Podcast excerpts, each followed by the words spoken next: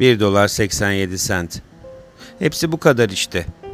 Üstelik 60 senti bir peniliklerden oluşuyordu. Bakkal, manav ve kasapla yapılan sıkı pazarlıkların akla getirdiği o dillendirilmemiş pintilik yakıştırmasıyla yanaklar utançtan al al olana kadar çekişerek birer ikişer artırılmış peniler. Della üç kez saydı. 1 dolar 87 sent. Ertesi gün Noel'di. Kendini eskimiş küçük kanepeye atıp feryat figan ağlamaktan başka yapacak hiçbir şeyi yoktu. Della da öyle yaptı. Buradan da hayatın ağlama, iç çekme ve gülümseme aşamaları arasında gidip geldiği ve bunlardan iç çekişlerin ağırlıkta olduğu dersi çıkacaktır. Evin hanımı ilk aşamadan ikinciye doğru gitgide yatışırken biz etrafa şöyle bir göz atalım. Haftada 8 dolara eşyalı bir daire. Tarife hacet yok elbet ama dilenci takımına yaraşır cinsten deyimini kullanmak uygun olabilir.'' Aşağıdaki girişte içine mektup sığması imkansız bir mektup kutusu ve hiçbir fani parmağın çaldıramayacağı bir zil vardı. Zilin yanında Bay James Dillingham Young yazan bir kartvizit duruyordu. O Dillingham sahibinin eline haftada 30 doların geçtiği eski bolluk günlerinde zile yerleştirilmişti. Oysa şimdi haftalık 20 dolara düştüğünden Dillingham'daki harfler adeta daha sade bir D'ye küçülmek istercesine bulanıklaşmışlardı. Ne ki Bay James Dillingham Young eve gelip dairesine çıktığında Jim verir. Size daha önce Delli olarak tanıttığımız bayan James Dillingham Young tarafından sevgiyle kucaklanırdı. Burası pek hoş elbette. Della ağlaması bitince yanaklarını pudra pomponuyla pudraladı. Pencereye giderek boz renkli arka bahçenin gri çiti boyunca yürüyen duman renkli kediye boş gözlerle seyre daldı. Ertesi gün Noel'di ve Jim'e hediye almak için yalnızca 1 dolar 87 senti vardı. Aylardır her peniyi biriktirdiği halde anca bu kadar toparlayabilmişti. Haftada 20 dolar neye yeter ki? Masraf daima tahmininden fazla çıkardı. Hep öyle olmaz mı zaten?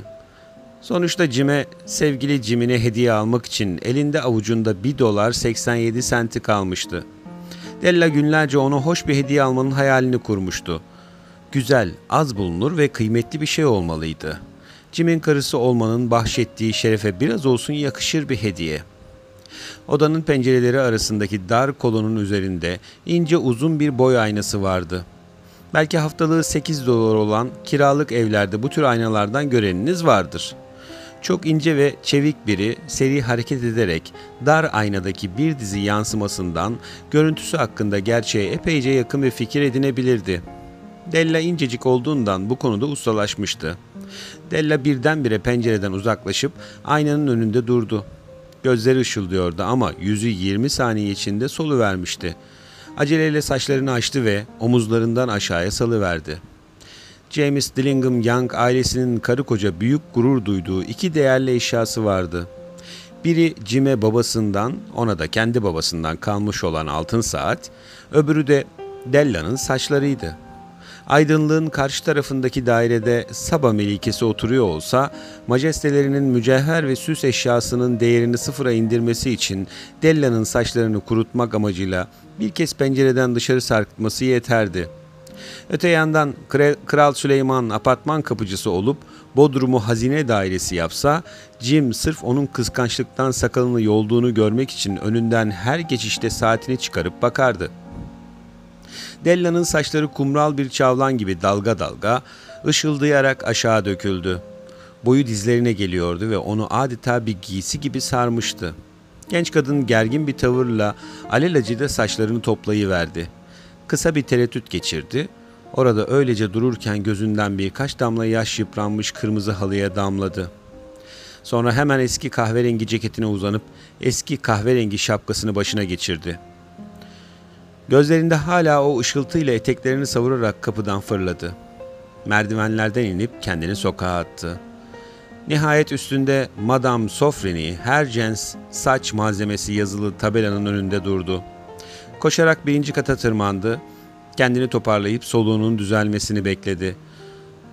Madame Sofrini adının çağrışımlarından uzak, enine boyuna fazla akçapakça sevimsiz bir kadındı. ''Saçımı sassam alır mısınız?'' diye sordu Della. Evet, saç alımı yapıyorum dedi madam.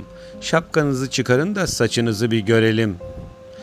Kumral çavlan dalgalar halinde aşağı döküldü. Madam saçları toparlayıp alışkın bir elle kaldırarak 20 dolar dedi. Parayı hemen verin dedi Della. Ah sonraki iki saat adeta pembe bulutlar üstünde geçti.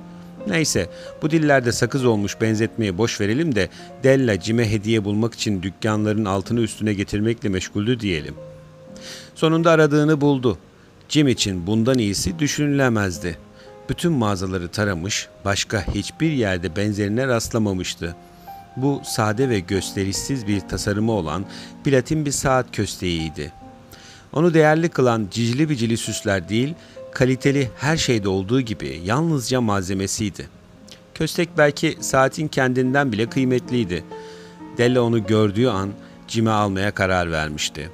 Köstek ona benziyordu. Gösterişsiz ama değerli. Bu tanım ikisine de uyuyordu. Della zincire 21 dolar ödedi ve 87 sentle evin yolunu tuttu. Jim o köstekle artık dilediği yerde göğsünü gere gere saatine bakabilirdi. Saati muhteşemdi ama Jim zincir yerine eskimiş bir deri kayış kullandığından bazen cebinden çıkarırken kimselere göstermemeye çalışırdı. Della eve vardığında sarhoşluğu geçer gibi oldu. Artık aklını başına toplamalıydı. Saç maşasını çıkardı, hava gazı ocağını yaktı ve aşkla katılmış cömertliğin yol açtığı yıkımı onarmaya girişti. Ki bu çok zor bir iştir dostlar, dev bir çabadır. 40 dakika sonra başına yapışık gibi duran, kısacık lüleleriyle okul kaçağı bir oğlan çocuğuna dönmüştü. Uzun, dikkatli, eleştiren bakışlarla aynadaki yansımasını süzdü. Jim eğer ilk bakışta beni öldürmezse, ikinci defa dönüp bakmadan Coney Island yosmalarına benzediğimi söyleyecektir diye mırıldandı kendi kendine. İyi ama başka çarem var mıydı? 1 dolar 87 sente ne alınır ki? Saat 7'de kahve sıcak, ocağın arka gözüne alınmış kızgın tava pirzolaları pişirmeye hazırdı. Jim'in geciktiği hiç olmazdı. Della avucundan katlanmış köstekli masanın kapıya en yakın köşesinde oturuyordu. Jim'in birinci kattan gelen ayak seslerini duyunca bir an rengi soldu. Della ikide bir gündelik şeyler için içinden dua ederdi. Şimdi de ne oluyor tanrım diye fısıldadı. Ne olur hala güzel olduğumu düşünsün. Kapı açıldı. Jim girip kapıyı kapattı. Yüzü ciddiydi. Bitkin bir hali vardı. Zavallı adamcağız daha 22'sinde omuzlarına aile yükü binmişti. Paltosu iyice eskimişti. Eldiveni de yoktu. Jim içeri adım attığı an bıldırcın yokuşu almış av köpeği gibi kala kaldı. Gözlerini Delle'ye dikmişti. Bakışlarında genç kadının çözemediği bir ifade vardı ve bu bakış onu fena halde korkutmuştu. Ne kızgınlık, ne şaşkınlık, ne beğenmeyiş, ne dehşet. O bakış beklediği duyguların hiçbirini yansıtmıyordu. Jim yüzünde o tuhaf ifadeyle ona öylece baka kalmıştı. Della masadan kalkıp kocasının yanına gitti. Jim, sevgilim diye yalvardı. Ne olur bana öyle bakma. Saçlarımı kestirip sattım. Çünkü Noel'i sana hediye vermeden geçiremezdim. Saçlarım gene uzar nasıl olsa. Kızmadın değil mi? Bunu yapmaya mecburdum. Saçlarım hemen uzar benim. Hadi Jim, mutlu Noeller dile de mutlu olalım. Bilsen sana ne hoş, ne güzel bir Noel hediyesi aldım. Sen saçlarını mı kestirdin sahi? diye mırıldandı Jim güçlükle. Beynini ne kadar zorlarsa zorlasın ortada apaçık duran gerçeği kavrayamamış gibiydi. Kestirdim ve sattım dedi Della. Ne yani şimdi beni eskisi kadar sevmeyecek misin? Saçlarım olmasa da ben hala benim öyle değil mi? Jim merakla çevresine bakındı. Saçlarının gittiğini mi söylüyorsun diye sordu neredeyse aptallaşmış bir ifadeyle. Boşuna arama dedi Della. Sana sattım diyorum. Sattım gitti. Noel'i kutluyoruz. Sevgilim bana iyi davran çünkü bunu senin için yaptım. Birden sesini tatlı bir ciddiyet oturdu. Belki saçımın tellerini saymak mümkün olabilir ama sana olan aşkım hesaba gelmez. Artık pirzolaları tavaya koyayım mı Jim? Jim birden o trans halinden sıyrılıverdi. Dellasını kucakladı. Biz 10 saniyeliğine başımızı çevirip sessizce başka bir konuya kafa yoralım. Haftada 8 dolar ya da yılda 1 milyon aradaki fark nedir? Bir matematikçi ya da nükteci biri sizi yanlış cevap verecektir. Kahin kralların getirdiği değerli armağanlar arasında bu sorunun cevabı yoktu. Konuyu daha sonra aydınlatmak üzere şimdilik karanlıkta bırakalım. Jim paltosunun cebinden bir paket çıkarıp masanın üstüne attı. Sakın benim hakkımda yanlış bir düşünceye kapılma del dedi. Saç kesimiydi, tıraştı, şampuandı böyle şeyler asla canım karımı daha az sevmeme neden olamaz. Ama şu paketi açarsan birden niye bu kadar afalladığımı anlayacaksın. Bembeyaz kesilmiş parmaklar aceleyle ipini çözüp paketi açmaya başladı. Ardından coşkulu bir sevinç çığlığı duyuldu. Ama ah ya sonrası? Ansızın baş gösteren kadınsı bir çark edişle ortalığı öyle bir feryat figan büründü ki evin efendisi bütün avutucu gücüyle duruma müdahale etmek zorunda kaldı. Çünkü paketten taraklar çıkmıştı. Della'nın Broadway'de vitrinde gördüğünden beri aklından çıkaramadığı ikisi yanlar biri de baş arkası için olmak üzere üç parçalık bir tarak takımı. Kenarları taşlı, şahane, gerçek bayağı taraklardı bunlar. Rengi de artık yerinde yerler esen o güzelim saçların tam tam tonuydu üstelik. Della onların pahalı olduğunu biliyordu. En küçük bir umut kırıntısı taşımasa da onlara sahip olmayı çok istemiş, hatta can atmıştı. İşte şimdi bir zamanlar gıptayla seyrettiği taraklar artık onundu. Ama onları süsleyecek bükleler artık yoktu. Gene de tarakları göğsüne bastırdı. Sonunda Jim'e buğulu gözlerle bakıp gülümseyebildi. Benim saçım çok çabuk uzar Jim biliyorsun. Sonra birden ateş değmiş kedi gibi yerinden sıçrayıp ah aman Allah'ım diye bağırdı. Jim henüz muhteşem hediyesini görmemişti. Açık avucundaki hediyeyi heyecanla kocasına doğru uzattı.